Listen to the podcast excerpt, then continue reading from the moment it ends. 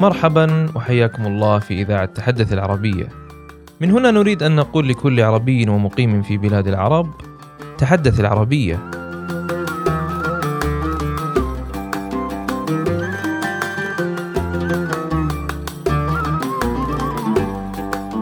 في هذه الإذاعة الشهرية التي أسميناها بذلك عوضا عما يسمونه بالبودكاست نبث إليكم بنات أفكارنا فيما له علاقة بلغتنا وهويتنا العربية ونشرح ولو بما قل لدينا من معرفة عن الأسباب والدوافع التي حامت ودارت في أذهاننا لسنوات عدة.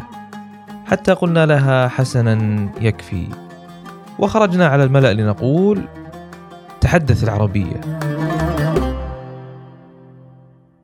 يحكى أن عربا من قبيلة تميم كان يطلق عليهم بنو أنف الناقة.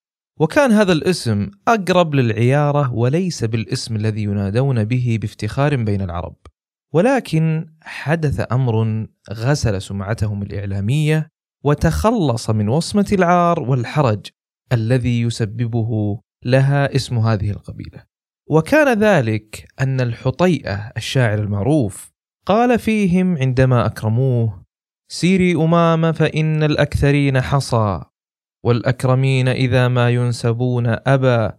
قوم هم الأنف والأذناب غيرهم ومن يسوي بأنف الناقة الذنبا فبعد أن قال تلك الأبيات ارتفعوا وكان أحدهم إذا قيل له من أي العرب أنت يرفع صوته قائلا من بني أنف الناقة. انتشرت القصيدة بين القبائل العربية وتحول اسم بني أنف الناقة من عيارة إلى مدعاة للفخر. كان الشعر قديما عند العرب الأداة الإعلامية الأولى والتي يتناقل الناس بها أخبارهم وينشرون انتصاراتهم، وبأبيات قصائدهم تخلدت وقائع وأحداث حياتهم. وبطبيعة الحال كان الشاعر بمثابة وزير الإعلام لديهم، فهو صوتهم وانعكاس صورتهم والقبيلة التي ينتمي لها أبرز الشعراء كانت هي من تملك القوة الإعلامية والتأثير الأكبر بين القبائل. لكن تخيلوا معي لو أحضرت القبيلة شاعرا فارسيا ليكتب قصيدة تمدحهم عند العرب نفسهم، ولكن باللغة الفارسية، هل كانت قصيدة الفارسي ستصنع نفس الأثر في قصيدة العربي؟ بالطبع لا، وهنا يأتي السؤال عن علاقة الإعلام باللغة والهوية وكيف يتم التأثير على الشعوب بتوظيفهما معا؟ معكم عبد الإله الأنصاري من تحدث العربية. فاسمعوا وعوا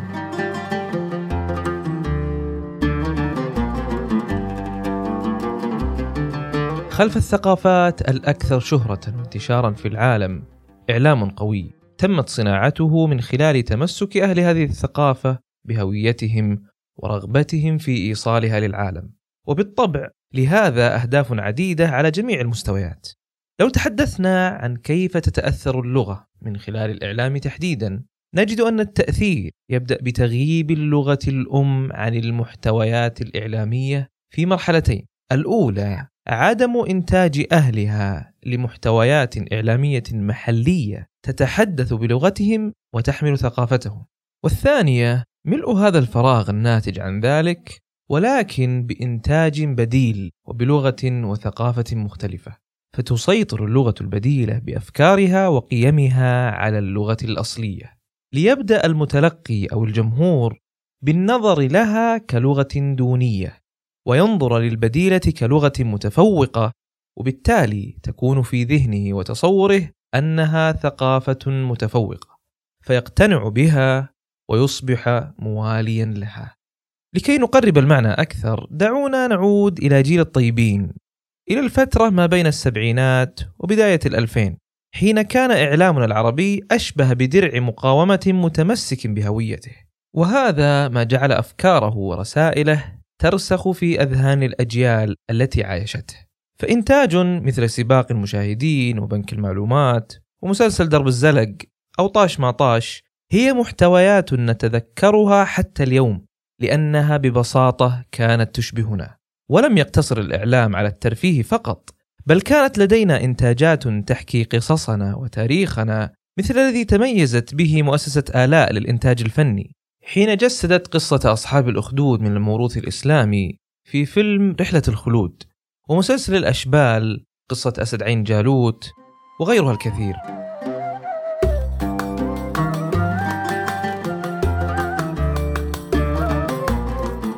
أن تقدم إعلاما يحمل ثقافتك الأم لا يقتصر فقط على إنتاجك له بل حتى في استيرادك للمحتويات الإعلامية من الثقافات الأخرى كذلك. يمكنك أن تضع بصمتك العربية قبل أن تعرضها للمتلقي. من أبرز التجارب على ذلك ما قامت به مؤسسة الإنتاج البرامجي المشترك حين أنتجت نسخة عربية من البرنامج الشهير افتح يا سمسم. والذي كان بالمناسبة تعريبا عبقريا للمسلسل الأمريكي الأصلي سيسم ستريت فأسموه نعمان بدل إلمو ونادوه بكعكي بدل كوكي وأضافوا شخصية الببغاء ملسون وغيرها من الشخصيات فكان له بصمة لغوية تربوية فريدة على الأجيال نظرا لكونه مصمما بتعاون الأخصائيين النفسيين والتربويين واللغويين كذلك. وذلك مع الكتاب والمخرجين ليتناسب مع المرحلة العمرية للأطفال ويقدم لهم ما يطورهم من جوانب معرفية وفكرية ويعلمهم الأخلاق المحمودة. وبهذا أصبحنا مستفيدين لا مستهلكين. لابد هنا أن نذكر ما قام به مركز الزهرة في سوريا مطلع الألفين من تعريب للمحتويات الإعلامية والتي كان يستوردها من اليابان لتبث على قناة سبيستون الموجهة لشباب المستقبل العربي. وقد تواصلنا بالفعل مع أحد أوائل المدبلجين الذين عملوا فيها ونحن نعد هذه الحلقة فحكى لنا عن آلية تنقيح المحتويات المستوردة من الخارج والتي تهدف إلى توجيه محتوى تعليمي وتوعوي للطفل بما يتناسب مع بيئته وثقافته. فكانت تمر بمراحل عديدة. تبدأ من إزالة كل ما يتنافى مع هوية الطفل العربي من مشاهد أو سلوكيات وعرضها بعد ذلك على مختصين في التربية وعلم النفس ليتأكدوا من عدم وجود ما قد يضر بنفسية الطفل من عنف أو قتل أو غيرها. والحرص كذلك على وجود ما يعلمه معاني الحياة السامية وضرورة السعي لتحقيق أهدافه. وكل ما يكسبه من قيم مثلى تصقل شخصيته وأخلاقه. ومن المثير أن هذا التنقيح كان يحدث استنادا على لوائح الرقابة والمحظورات الخاصة بالمملكة العربية السعودية. فضوابط بلادنا كانت هي المعيار الذي يبنى عليه المحتوى المحبب لدى أطفال العالم العربي في ذلك الحين.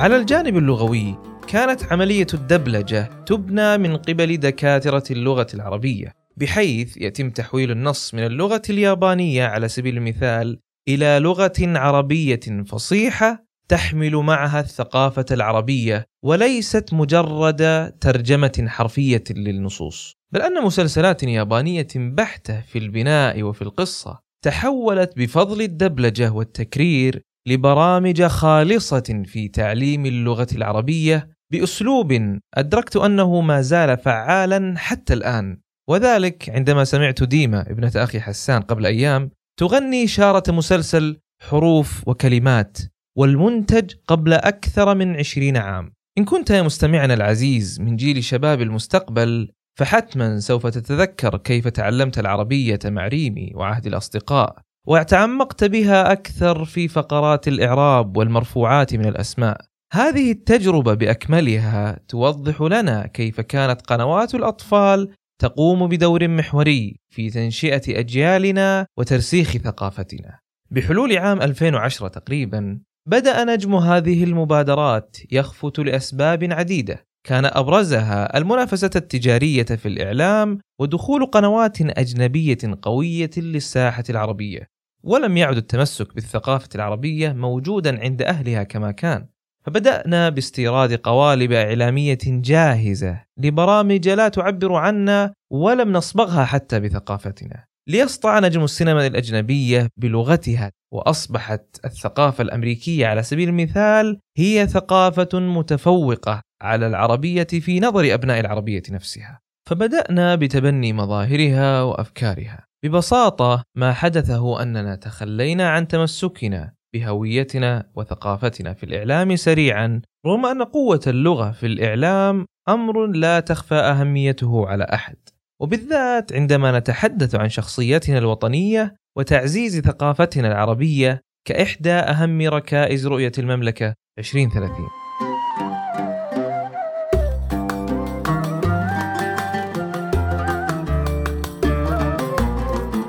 في يوم 18 من شهر أكتوبر عام 1934 أذيع خبر على إذاعة إيطالية يقول بأن البحرين تحترق وذلك نتيجة غارة جوية إيطالية على مصاف النفط في البحرين.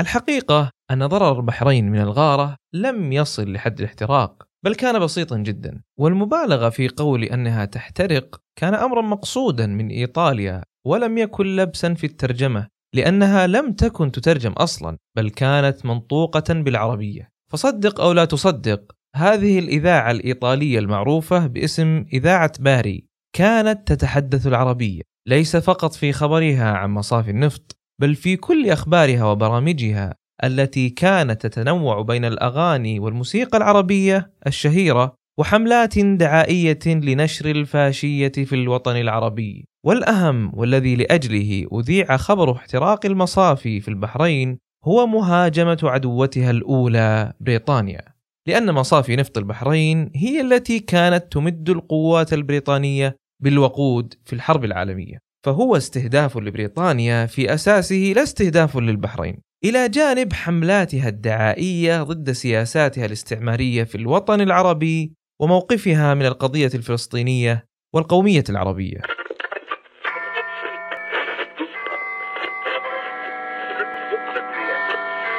لم تكن باري المؤسسة الإعلامية الأجنبية الوحيدة التي تتحدث بالعربية، فبعدها بأربع سنوات فقط بدأ إرسال إذاعة بي بي سي العربية كأول إذاعة ناطقة بلغة أجنبية في هيئة الإذاعة البريطانية. الواحدة تماما في لندن بتوقيت. لأن بريطانيا اعتبرت إذاعة باري تشكل تهديدا على صورتها عند العرب. ورأى وزير المستعمرات حينها في بريطانيا أن إنشاء إذاعة بريطانية تبث باللغة العربية هو ضرورة استعمارية. هذه الضرورة طبعا للتحكم بوجهة النظر التي تطرح بها أحداث الوطن العربي. بعد قرار إنشاء الإذاعة، كان البريطانيين أمام أهم أمر يجب حسمه، وهو هل ستتحدث الإذاعة بالعربية الفصحى أم بالعامية؟ كان الموضوع مهم جدا لدرجة أنهم شكلوا لجنة من مجلس الوزراء البريطاني لمناقشة هذا الأمر. وبعد مباحثات وتحليلات لكل لهجات الوطن العربي ومدى تقبل الجنسيات العربية لها كانت الفصحى مستبعدة لأنهم اعتبروا أن العرب الذين لم يكملوا تعليمهم ستكون صعبة الفهم عليهم مما سيعيق وصولهم إليهم. بالأخير قرروا أنها تكون باللهجة المصرية البيضاء لأنها الأكثر شيوعا في الوطن العربي وبالتالي سيتمكن الجميع من فهمها. لذلك كان أول مذيع تم تعيينه في بي بي سي أحمد كمال سرور والذي قد يكون الكثير منكم يعرفون صوته. لكم يوميا برنامجا قصيرا يحتوي على مقطوعات من مهاجمة الأعداء والحروب نصل إلى اللغة كسلاح للاحتلال. إن كنتم تذكرون كنا قد قلنا في حلقتنا كيف تصنع اللغة العربية قوة سياسية أن الصهاينة تحتل فلسطين بالسلاح واللغة. ويمكننا القول فيما يخص الإعلام أن لغتنا العربية كانت إحدى أول أسلحتهم. ففي عام 1948 أي عام النكبة مع بداية تهجير الفلسطينيين من أراضيهم بدأ بث إذاعة صوت إسرائيل لتنقل أخبار فلسطين باللغة العربية وبالصورة التي يريد الكيان الصهيوني أن تظهر بها. وهذا ما ورد في إحد بنود قانون سلطة البث الصادر عن الكنيست بأن هدف هذه الإذاعة كالتالي: تقديم برامج تسعى إلى تطوير فكرة السلام والتفاهم مع الدول العربية المجاورة لإسرائيل وفقا لمبادئ وتوجهات إسرائيل نفسها في تلك الفترة كان إرسال أغلب الإذاعات ضعيفا ولا يصل للبيوت الفلسطينية القديمة التي بطبيعتها توجد تحت الأرض. لذلك حرصت إذاعة صوت إسرائيل عن أن يكون إرسال بثها الأقوى في المنطقة ليصل لها في محاولة لعدم ترك خيار آخر للفلسطينيين سوى الاستماع لها إن كانوا يريدون معرفة ما يجري حولهم من أخبار. فمحتواها الأساسي كان يركز على نشرات الأخبار والبرامج السياسية التي وظفوا اللغة بها لتشويه الحقائق والمفاهيم. فكان المذيع يعرف فلسطين بإسرائيل وينقل الأخبار واصفا الفلسطيني بالإرهابي والحاجز بالمعبر وفلسطينيو الداخل المحتل بعرب إسرائيل. امتد الأمر وتنوعت أساليبه. وأحد أبرز هذه الأساليب هو ما يقوم به ابن الإيه أفيخاي أدرعي المسمى بالناطق باسم الجيش الإسرائيلي بالعربية للإعلام العربي والذي اتخذ من كل وسائل الإعلام منابر ليخاطب العرب من خلالها بلغتهم ويشاركهم أفكارهم وأفراحهم وأكل كعيد الأضحى على سبيل المثال. ليرسخ بذلك زعمهم بأن الصهاينة محبين للعرب وساعين للسلام. حتى أنه في اليوم العالمي للغة العربية في 2017 أظن شارك عبر حسابه في تويتر مقطع يشرح به جماليات اللغة العربية والفرق النحوي بين التاء المربوطة والهاء. ضاربا المثال بعبارة إسرائيل هي منارة المنطقة التي تقف في وجه الإرهاب. وربما نسي أن يبحث في الفرق بين محل ومحتل واحتلال أو شيء من هذا القبيل. خلال أكثر من سبعين عام من الاحتلال لم يتوقف الصهاينة عن استخدام لغتنا العربية كسلاح لصالحهم. تحدثوا العربية وتشبهوا بهويتنا في إعلامهم ليطبعوا احتلالهم لنا.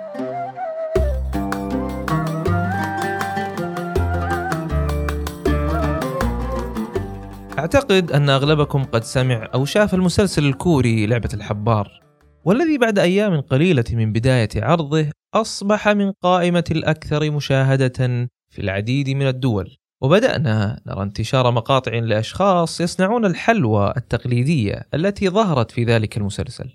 انتشار هذا المسلسل وغيره من الأعمال الكورية سواء كان من موسيقى أو حتى من أكل لم تكن بالمصادفة بل هو مشروع مخطط من الحكومة الكورية. بدأت به منذ منتصف التسعينات لنشر الثقافة الشعبية الكورية التي تسمى بالهاليو. بجميع مكوناتها طبعا من موسيقى وغناء ودراما وأزياء وطعام حتى. أي أن كل ما يشكل هويتهم وثقافتهم وتصديرها للعالم أجمع. من أجل دعم الاقتصاد والسياحة في البلاد. هذا المشروع عاد على كوريا بالعديد من الفوائد الذهبية. أولها زيادة الإقبال على تعلم اللغة الكورية بشكل ملحوظ ولافت لدى تطبيقات تعليم اللغة خاصة بعد مسلسل لعبة الحبار. وقبل ذلك في عام 2019 كانت قد زادت صادرات البلاد الثقافية بقيمة 12 مليار دولار. هذا إلى جانب ارتفاع معدلات السياحة الخارجية إليها بنسبة 55% وغيرها من الآثار الإيجابية. خبراء التسويق يرون أن ما فعلته كوريا من تصدير لثقافة الهاليو أعطاها فرصة كبيرة لخلق صورة ذهنية جديدة للبلاد في العالم بعد أن كانت صورتها مرتبطة بالحرب الكورية وانهيار مؤسساتها التجارية والصناعية بسبب ذلك أي أنها ببساطة توجهت للإعلام لغسل سمعتها الإعلامية وبالفعل نجحت في ذلك. تصدير الثقافة ونشرها بواسطة الإعلام هي وصفة اتبعتها كل الدول الكبرى التي سعت لخلق قوة اقتصادية وهيمنة ثقافية على العالم.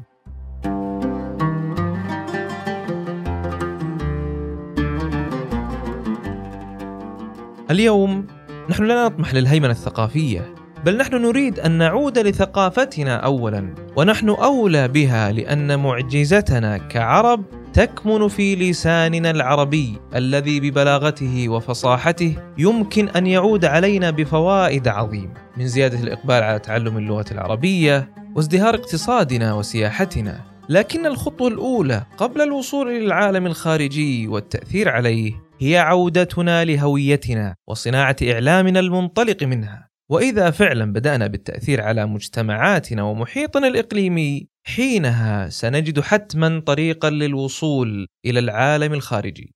ما نعرفه أن وظيفة الإعلام الأساسية هي الإخبار سواء كان بنشرة أو ببرنامج أو مسلسل. فإن كنا بإعلامنا لن نحقق هذه الوظيفة ونبقى مجرد منابر لغيرنا من الهويات المتفوقة علينا في انتشارها، فبالتالي إعلامنا بكبره ما عاد له فائدة، وما نصرف عليه من أموال ما هو إلا حرق لها في الهواء دون نتائج مثمرة ولا تأثير. فيا أعزائنا الإعلاميين والمنتجين في المرة القادمة حين تخططون لبرامجكم وتعملون على حبك سيناريوهات أفلامكم فتحدثوا العربية. في أمان الله. صنع في تراكيب. تحدث العربية.